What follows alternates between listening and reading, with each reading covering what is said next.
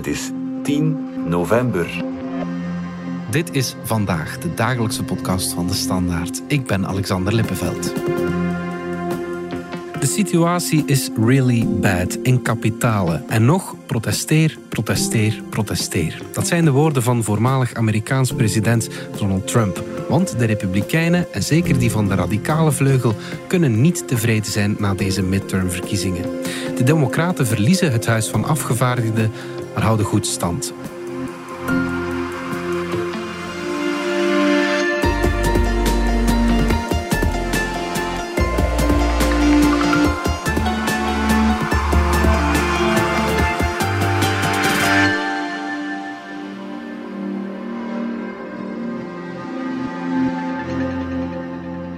Vidal, chef van onze buitenlandredactie. De Republikeinen waren vooraf euforisch, want ze zouden het land overspoelen, eh, zeiden ze, met een rode tsunami. Maar die tsunami is wel uh, uitgebleven. Laat ons uh, even kijken naar de situatie zoals we ze nu kennen in de twee kamers van het congres. Wat is uh, de situatie in het Huis van Afgevaardigden?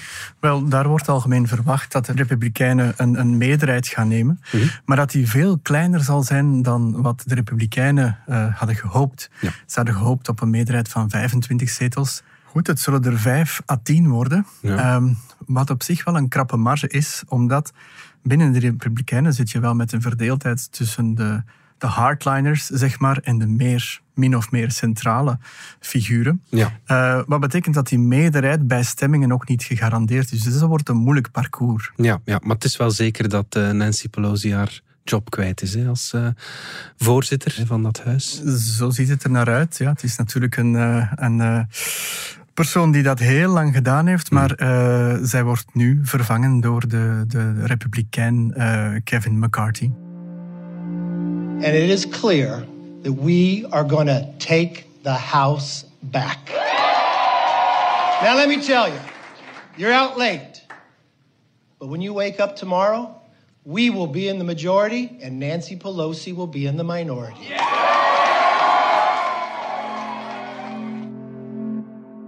In de Senaat is het net iets uh, spannender. Wat weten we op dit moment? Wel, op dit moment, as we speak, is het 48-48. Mm -hmm. Dus dat wordt heel spannend. Wat verwacht wordt, maar ik zeg het is heel spannend, wat verwacht wordt is dat het eigenlijk op 50-50 komt. Ja. 50-50. En dat betekent dat de democraten een, een meerderheid hebben, want uh, de vicepresident Kamala Harris heeft ook een stem. Ja. Dus dan hebben ze één stemmetje op overschot. Ja, ja oké, okay, dan blijft de situatie daar zoals het is. Um, Inderdaad. Of dat verwachten we toch. Ja. Er zijn ook heel wat uh, gouverneurs verkozen, gouverneurs van de staten dan. Ja. Wat onthouden we daarvan? De meest opvallende uh, Eh, overwinnaar is Ron DeSantis. Florida has proved that it can be done. We offer we offer a ray of hope that better days still lie ahead. Een enorme marge toch wel, uh, bijna 10 procent ja, uh, in, in, Florida, Florida ja, ja. inderdaad. En dat maakt van, van DeSantis direct ook wel een onvolwaardige presidentskandidaat mm -hmm. uh, bij de Republikeinen. Ja. Uh, dat bleek ook uit zijn speech. Hij heeft dat niet met zoveel woorden gezegd, maar dat was echt wel een, een, een presidentiële speech waarin hij zelfs vergeleken wordt met de speech van Churchill uh, in okay. het begin van de Tweede Wereldoorlog. Dus dat zit op dat niveau. Hij plaatst zich echt wel als een, een uitdager van uh, Trump, ja. waarvan verwacht wordt dat hij binnen enkele dagen zijn presidentskandidatuur aankondigt. En je voelt ook een, direct een, een, een switch van Trump in zijn verhouding tot DeSantis. Ron is a person I've always had a decent relationship with him, but when I endorsed him, he was he was gone. He was not going to be able to even be a factor in the race. And as soon as I endorsed him, within moments, he the race was over. I got him the nomination. He didn't get it. I got it because the minute I made that endorsement, he got it. Then he ran, and he wasn't supposed to be able to win. I did two rallies. We had 52,000 people each one, and we ended up, he won. And I thought that he could have been more gracious, but that's up to him. Dat is helemaal niet de goede vriend. Integendeel, mm -hmm. Dat is meteen een, een concurrent. Hij probeert je ook te intimideren met een schandaal dat daar ergens zou liggen. Het lijkt alsof hij met een, een seksschandaal of een financieel schandaal gaat uitpakken. Trump tegen DeSantis. Dus het wordt meteen heel hard tussen die twee. Heeft ook al bijnamen en zo die uh, op zijn schijnheiligheid, of wat is het? Inderdaad, ja, ja, ja, hij wordt op zijn schijnheiligheid uh, verweten. Dus ja, eh, samen met die, dat resultaat van die midterms is, is ook uh, de, de presidentscampagne afgekondigd en, en begonnen. Ja. Zeker tussen die twee, ja. Ja, ja, ja oké. Opvallend voor mij dan als buitenstaander. DeSantis is niet per se een gematigde republikein. Integendeel, mm het gaat tussen twee radicalen dan. Of hoe moet ik dat zien? Wel ja, als, als, je, als je kandidaten met Trump vergelijkt, dan lijken ze altijd zo gematigd. Ja. maar uh, dat is uh, in het geval van DeSantis niet zo. Ja, hij is uh, heel hard naar de LGBTQ-gemeenschap. Hij zegt ook het woke-debat of, of woke, het fenomeen, eindigt in Florida. Florida is where woke goes to die.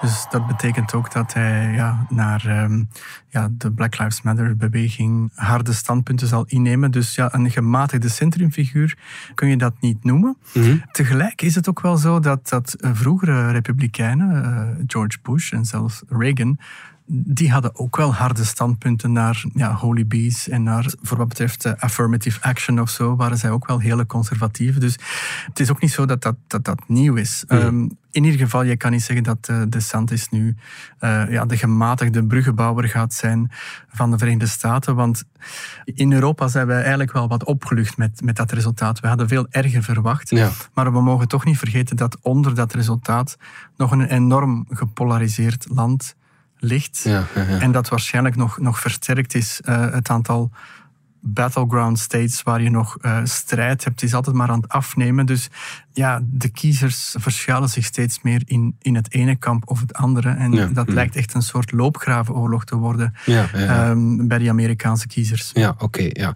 Het was voor Trump uh, geen goede dag, denk ik dan. Uh, DeSantis, die ja, toch wel een goede score haalt. En ook heel wat andere kandidaten die door Trump gesteund worden, ja, die, die faalden, zeg maar. Uh, Alyssa Farah Griffin, dat is een oud-medewerkster van Trump, die had op CNN ja, toch wel heel wat te zeggen.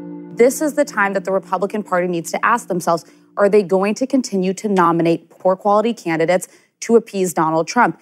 If you want the Republican Party to thrive, we've got to just finally speak out and say this man is a loser. He lost 2020. He's about to, you know, he's losing his seats that were winnable this time. In time to look toward what the future might look like. Ja, zijn ze het beu, Koen, dat Trumpisme? Ik denk dat dit een, een heel juiste analyse is.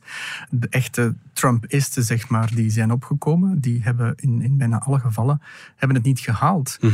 Dus Trump is een van de grote verliezers uh, deze dag.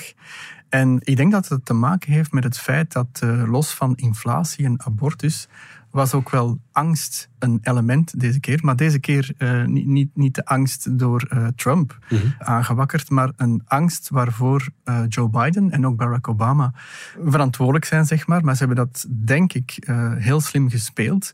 ze hebben gezegd, met dit soort mensen die, die het verkiezingssysteem in vraag stellen, die de rechtsstaat in vraag stellen, riskeren wij gewoon de ondergang van de Verenigde Staten. Ja. En dat, denk ik, heeft wel zijn effect gehad. Dat uiteindelijk zelfs republikeinse kiezers zeggen van ja, met dit soort kandidaten wordt mijn leven niet beter. Integendeel, mm. uh, wat belangrijk voor mij is, komt met die mensen in gevaar.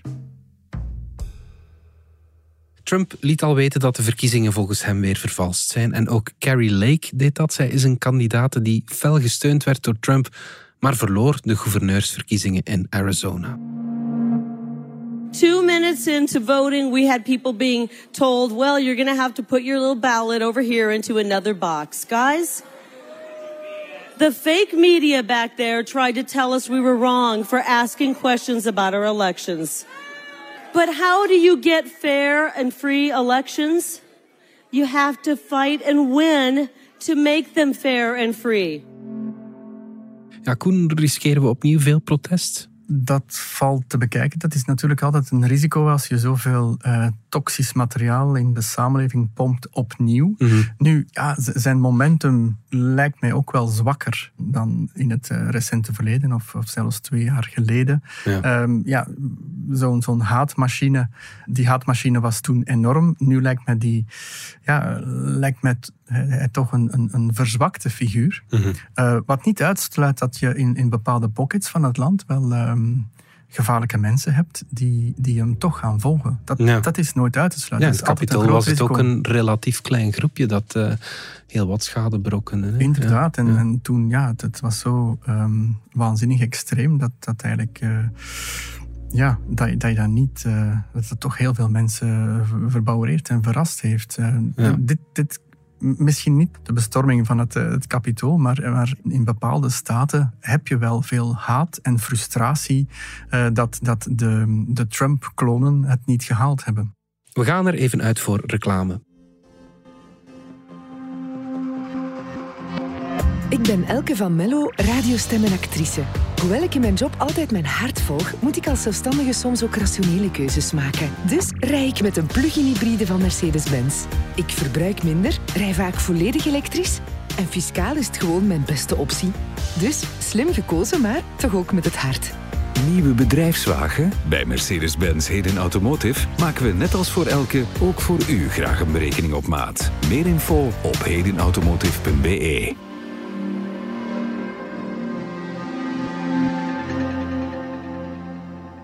Koen, terug naar eh, de VS dan. Als we dat nu allemaal samen nemen, dan lijkt het er wel op dat de Democraten het lang niet zo slecht gedaan hebben, eh, of toch niet zo slecht als verwacht.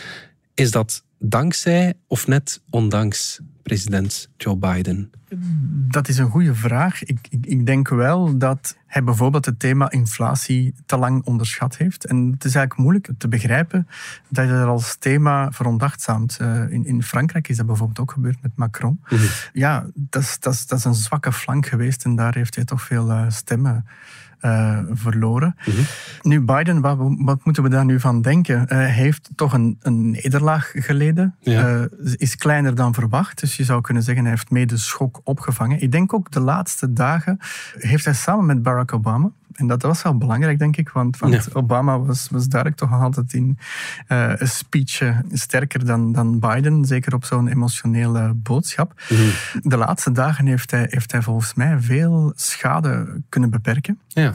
De vraag is natuurlijk of, of, of Biden als kandidaat sterk genoeg gaat zijn binnen twee jaar. Ja, ja, ja, um, En dan, dan zie je toch ja, heel, heel verschillende signalen. Deze keer een, een, een nederlaag, ook toch onpopulair niet enkel bij de, de, de twijfelende kiezers en de republikeinen, dat is redelijk evident.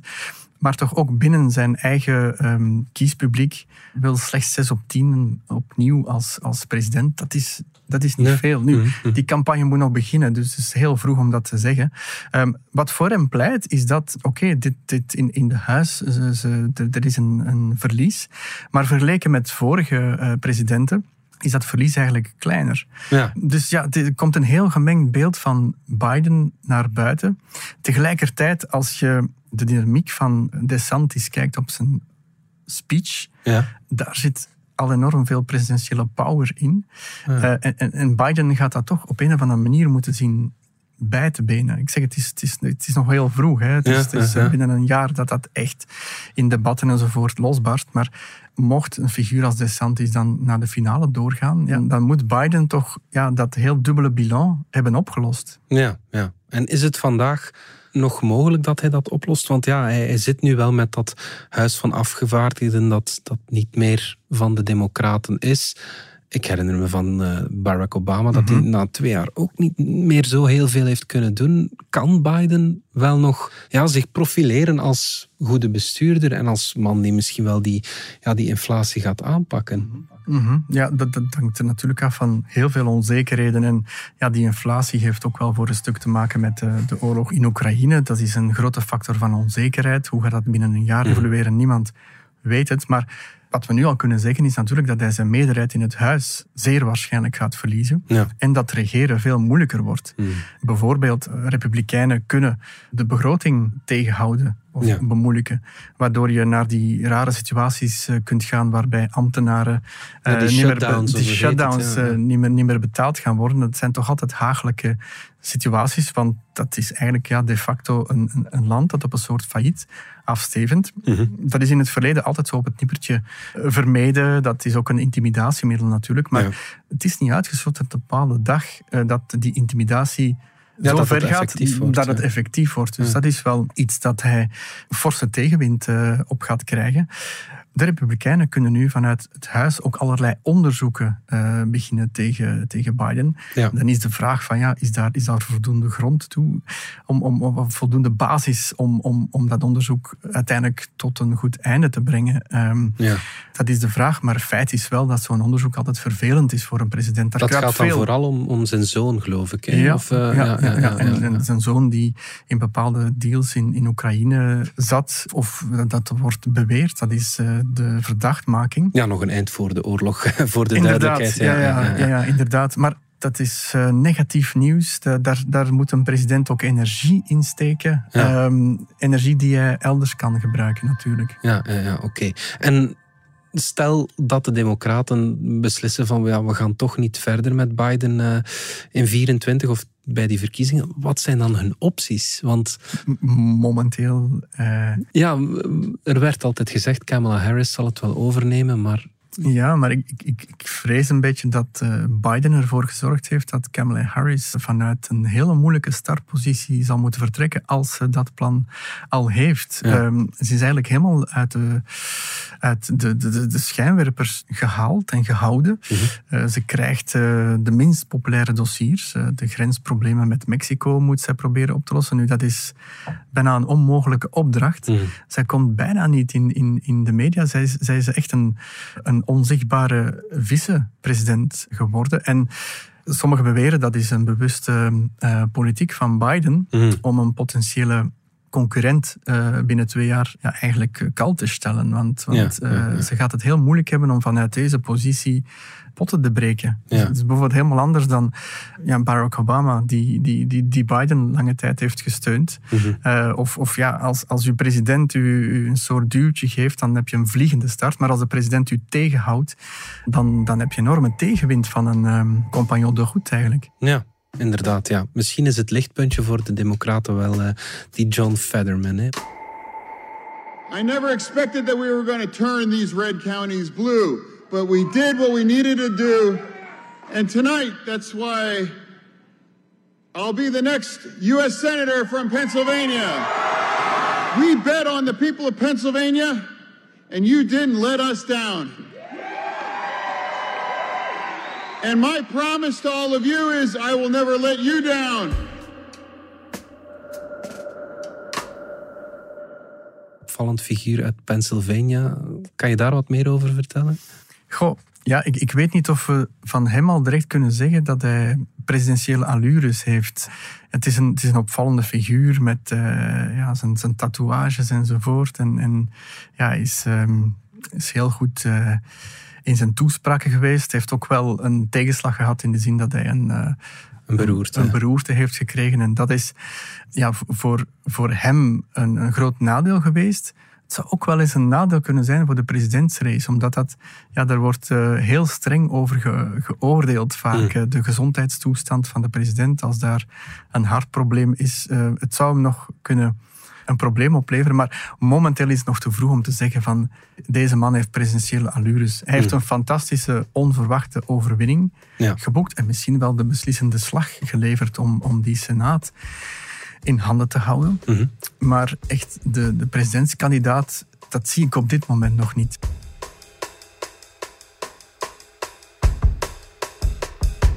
Tot slot, Koen, globaal gezien heeft die extreme polariserende retoriek van de afgelopen jaren, heeft die ergens niet toch een klap gekregen? Is, is dat toch niet ergens wat, ja, wat, wat veel mensen beu zijn? En, en heeft de democratie niet ergens gewonnen, om het met, zo, om het met grote woorden te zeggen? Wel, ja, ik denk dat er iets wel uh, structureel is veranderd.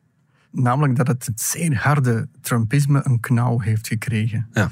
En ja, voor een stuk heeft dat ook wel een, een logica, denk ik. Ik denk dat heel veel republikeinen, ook diegenen die aanvankelijk sympathie hadden voor Trump, of die er misschien wel op gestemd hebben, ook wel gezien hebben dat dit niet in hun belang is en niet in het belang van het land. Dat het gewoon eigenlijk een, een hele slechte, kwalijke, gevaarlijke president is geweest. Ja.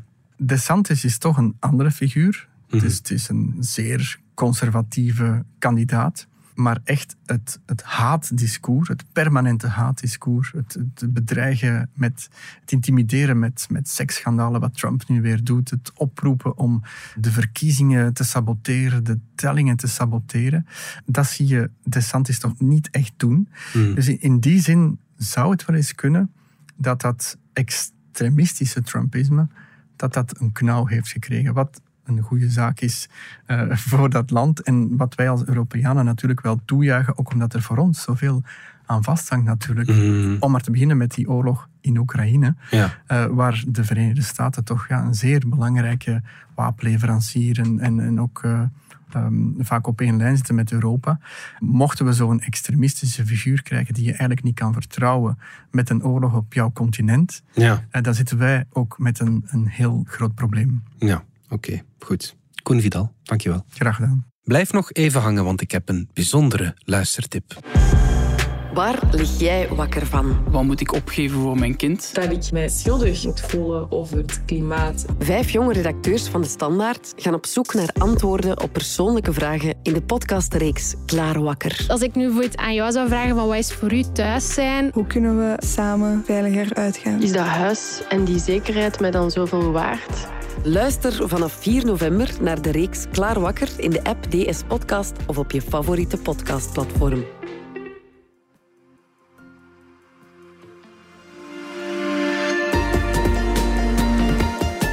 Dit was vandaag de dagelijkse podcast van De Standaard. Bedankt voor het luisteren. Volg ons op Spotify, Apple Podcast of eender welk ander podcastplatform. In onze gratis FDS podcast kan je niet alleen ons werk beluisteren, maar ook de beste podcasttips terugvinden, met zorg geselecteerd door onze redacteur Max de Moor. Alle credits van de podcast die je net hoorde vind je op standaard.be-podcast. Reageren kan via podcast.standaard.be. Morgen zijn we opnieuw.